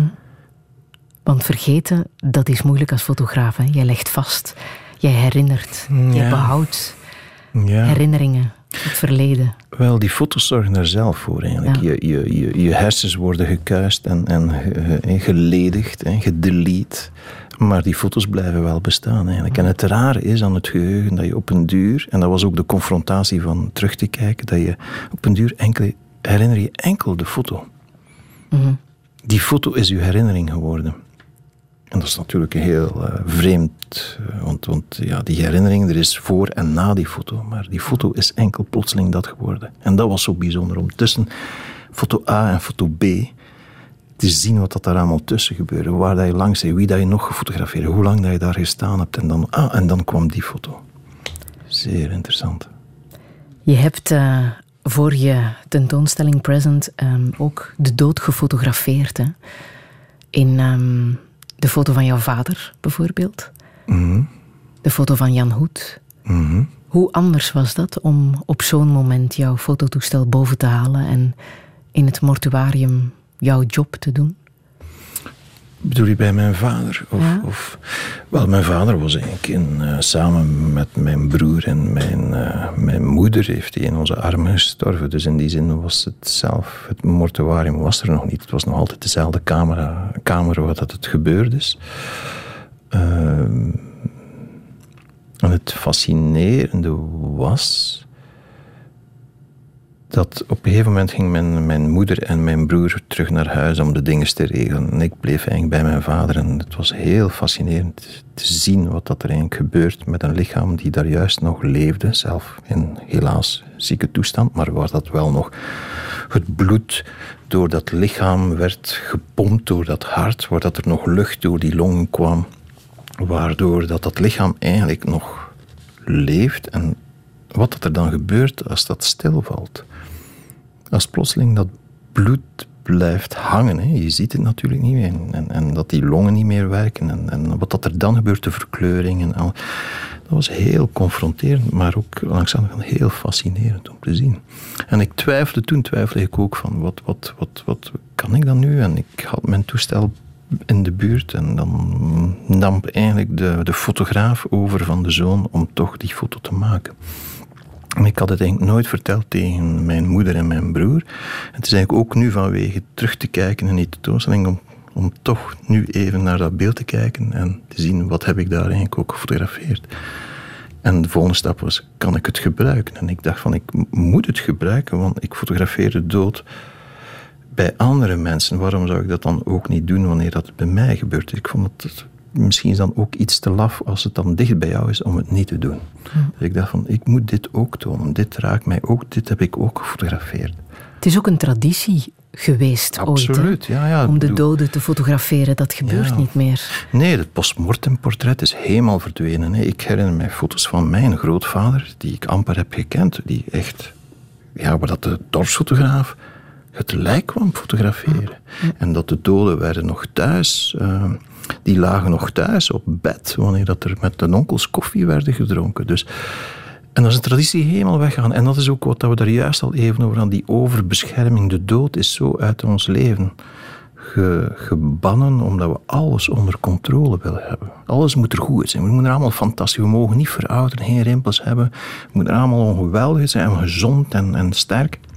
Want die dood komt daar plots. En dat denk ik in deze tijd is dat verschil tussen de dood en het leven veel heftiger dan vroeger geweest. Vroeger was het ook veel aanvaardbaarder. Zeker bij iets gruwelijk als kindersterfte, wat dat ongelooflijk gruwelijk was. Maar bij de vissers die ik fotografeerde, veel waren met tien kinderen en er was altijd wel een kind die wel een keer onderweg stierf. Nu, als iemand de impact als je kind verliest, is, is zo fenomenaal heftig. Gaat zo door dat veel mensen het ook niet meer erover kunnen. En dat begrijp ik. Ik begrijp het ook. Maar voor mij is de dood geen taboe. Ook als ik voor met mijn moeder spreek, wij spreken over de dood zonder enige taboe. Zij is daar zeer open over en, en, en ik vind, ja, ja, het hoort ook bij. Het is een stadium van het leven die, die, die, die, die daar is en die natuurlijk dramatisch heftig is, omdat het voorbij is. En zeker als je dan iets fotografeert, dat je weet van, nadat ik hier de deur dicht doe, gaat niemand deze persoon nog zien. Dus een soort van enorm besef van definitiviteit. En dan is een foto krachtig en mooi. Kan krachtig zijn als het, uh, als het goed gebeurt of als de omstandigheden juist zijn. Mm. Want vaak is dat niet hoor. Jouw goede vriend David van Rijbroek heeft in uh, een van zijn boeken Slagschaduw jou gebruikt of als model uh, gesteld um, voor een fotograaf die in het boek ook voorkomt, Lode, en die laten sterven. Ja. Dat was jij. Tijdens een fotoreportage over Parijs-Roubaix.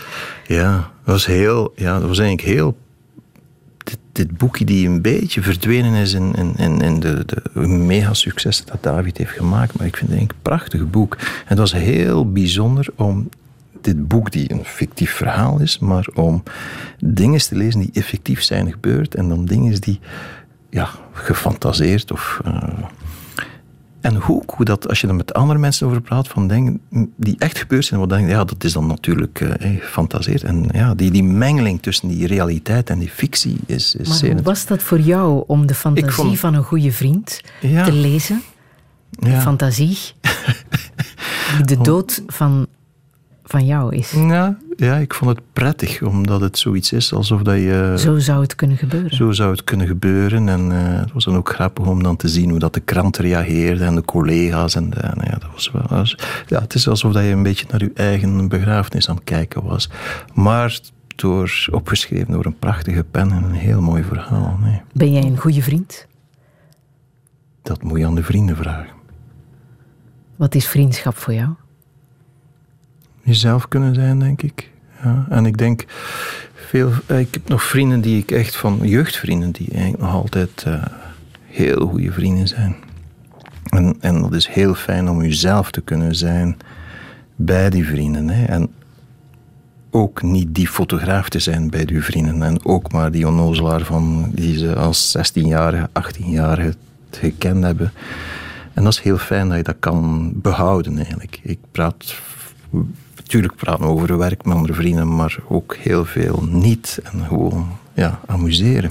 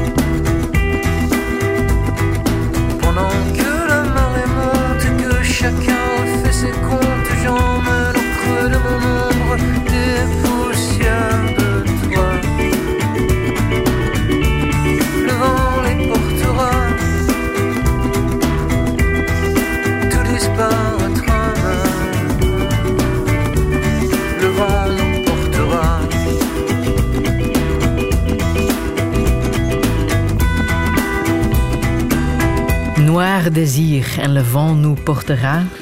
Stefan van Vleter, het is bijna symbolisch. Hè? We zijn bijna aan deze einde van, de, van uh, Touché. Waar brengt de wind ons naartoe? Hm. Dat weten we niet. nee. Dat is ook het mooie. Dat is het mooie aan wind. Het is onzichtbaar en het komt en het gaat. En het komt van alle richtingen. Maar wat zou jij willen met jouw leven na je vijftigste? Ja, ik zou eigenlijk gewoon willen doordoen wat ik doe. Gewoon een interessant leven waar ik geluk kan combineren met iets nuttig te doen. En als ik dit nog enige tijd zou kunnen volhouden, dan zou ik zeer gelukkig zijn om mijn uh, hoofd neer te leggen. Word je tijdlozer na je vijftigste? Ik ben nog maar uh, drie maanden uh, vijfde, dus het is veel te vroeg om dat te vragen. Binnen tien jaar mag ik dit vragen. Ja. En in wat je doet, want je maakt nu bijvoorbeeld die uh, portretten van dode dieren, dat is heel tijdloos. Hè? Er hangt ja. geen datum aan vast, dat zegt nee, niets nee, over de actualiteit. Niks over de actualiteit. Het over is... de wereld en ja. hoe die draait. Maar ook terug even naar die dode dieren of naar die dood. Het is voor mij ook een enorme goede manier om te beseffen hoe bijzonder het leven is. Door iets die niet meer leeft of iemand die niet meer leeft, besef je hoe bijzonder het is om te leven, om te communiceren, om hier te zitten, om hier naartoe te rijden, om mensen muziek te zien maken, om mensen kunst te zien maken, om mensen op straat te zien werken. Dat vind ik eigenlijk, als je kijkt wat dat het wonder van het mens is, hoe, hoe bijzonder dat allemaal is, vind ik ah. onvoorstelbaar. Ga jij, ooit, ga jij ooit filmen? Ja, ik doe dat nu al af en toe een keer, maar de, de, de, het, het zou kunnen. Maar wat dat mij voorlopig heeft tegengehouden, is eigenlijk de liefde voor de fotografie die te groot is om. Om beeld te laten bewegen. Te ja? ja, dat op het beweegbeeld vind ik mooi. En ik doe het af en toe hoor. Ja. Dus ik, ik, ik, uh, kleine maar filmpjes altijd, op Facebook. Hè? Ja, een heel kleine dingen. Ik, uh, alleen of soms met iemand die me dan wel helpt. Maar, maar ik zou enorm ontzien om zo vier jaar aan een film te werken. En, en, het moet toch een beetje vooruit gaan. En fotografie is daar ideaal in. Ja, je had Brik Schotten willen filmen. Want ja, heb je ja, ook laatste een kort, dagen ja, kunnen, ja, ja, kunnen fotograferen. Ja, hè? ja, ja, ja, maar goed, er is een mooie foto uitgekomen. Dat troost mij ook al veel. Ja. En een mooie boodschap die hij jou heeft meegegeven. Als de soep goed is, is de rest ook goed. Ja, dat is een, uh, een van de vele waarheden van Brik Schotten. Ja. Ja. Wat is de boodschap die jij wilt meegeven? Doe iets. Doe iets goed, doe iets graag. En het hoeft niet altijd de grote, ambitieuze, fantastische, meesterlijke ding te zijn. Maar als je iets doet, doe het intens. Als je in je hangmat wilt liggen, besef dan dat je ook fijn is om in die hangmat te liggen. Als je wilt naar de horizon kijken, kijk dan goed naar die horizon. Als je wilt kunst maken, maak dan goede kunst. Als je wilt muziek maken, maak dan... Maar doe het goed en doe het intens. En dat vind ik wel belangrijk. Focus? Helpt. Mm -hmm. Ik heb nog uh, Woody Guthrie met uh, Hobo's Lullaby. Mm. Zo'n prachtig kleinnoot. Je citeert ja. er ook uit uh, in je boek. Ja, dat, ja, ik heb ooit geluk gehad om met Jan Hertogs uh, ja, trainhopping te doen met hobo's, echt met treinzwervers op die goederentrein ja. in Amerika. En dat was nog altijd een van de meest bijzondere reizen dat ik heb mogen meemaken. En dat zit allemaal in dit lied. In Woody.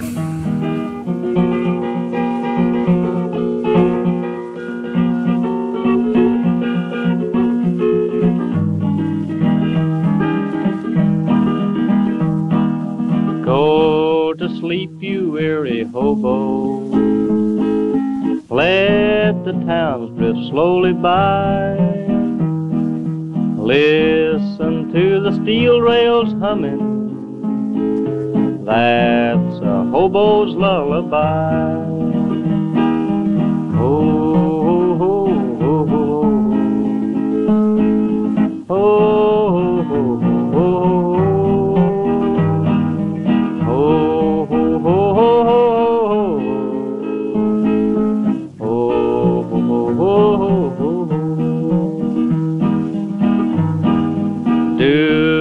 think about tomorrow. Let tomorrow come and go. Tonight you've got a nice warm boxcar, safe from all this wind and snow.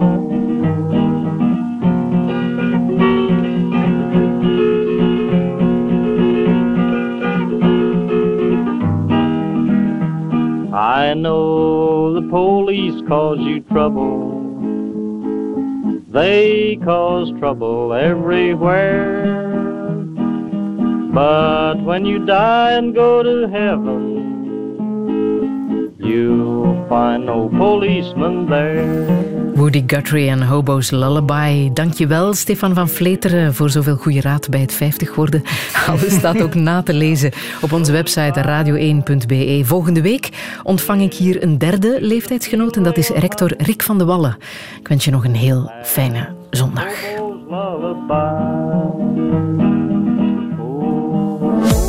Herbeluister Douché via de podcast, de Radio 1-app en radio1.be.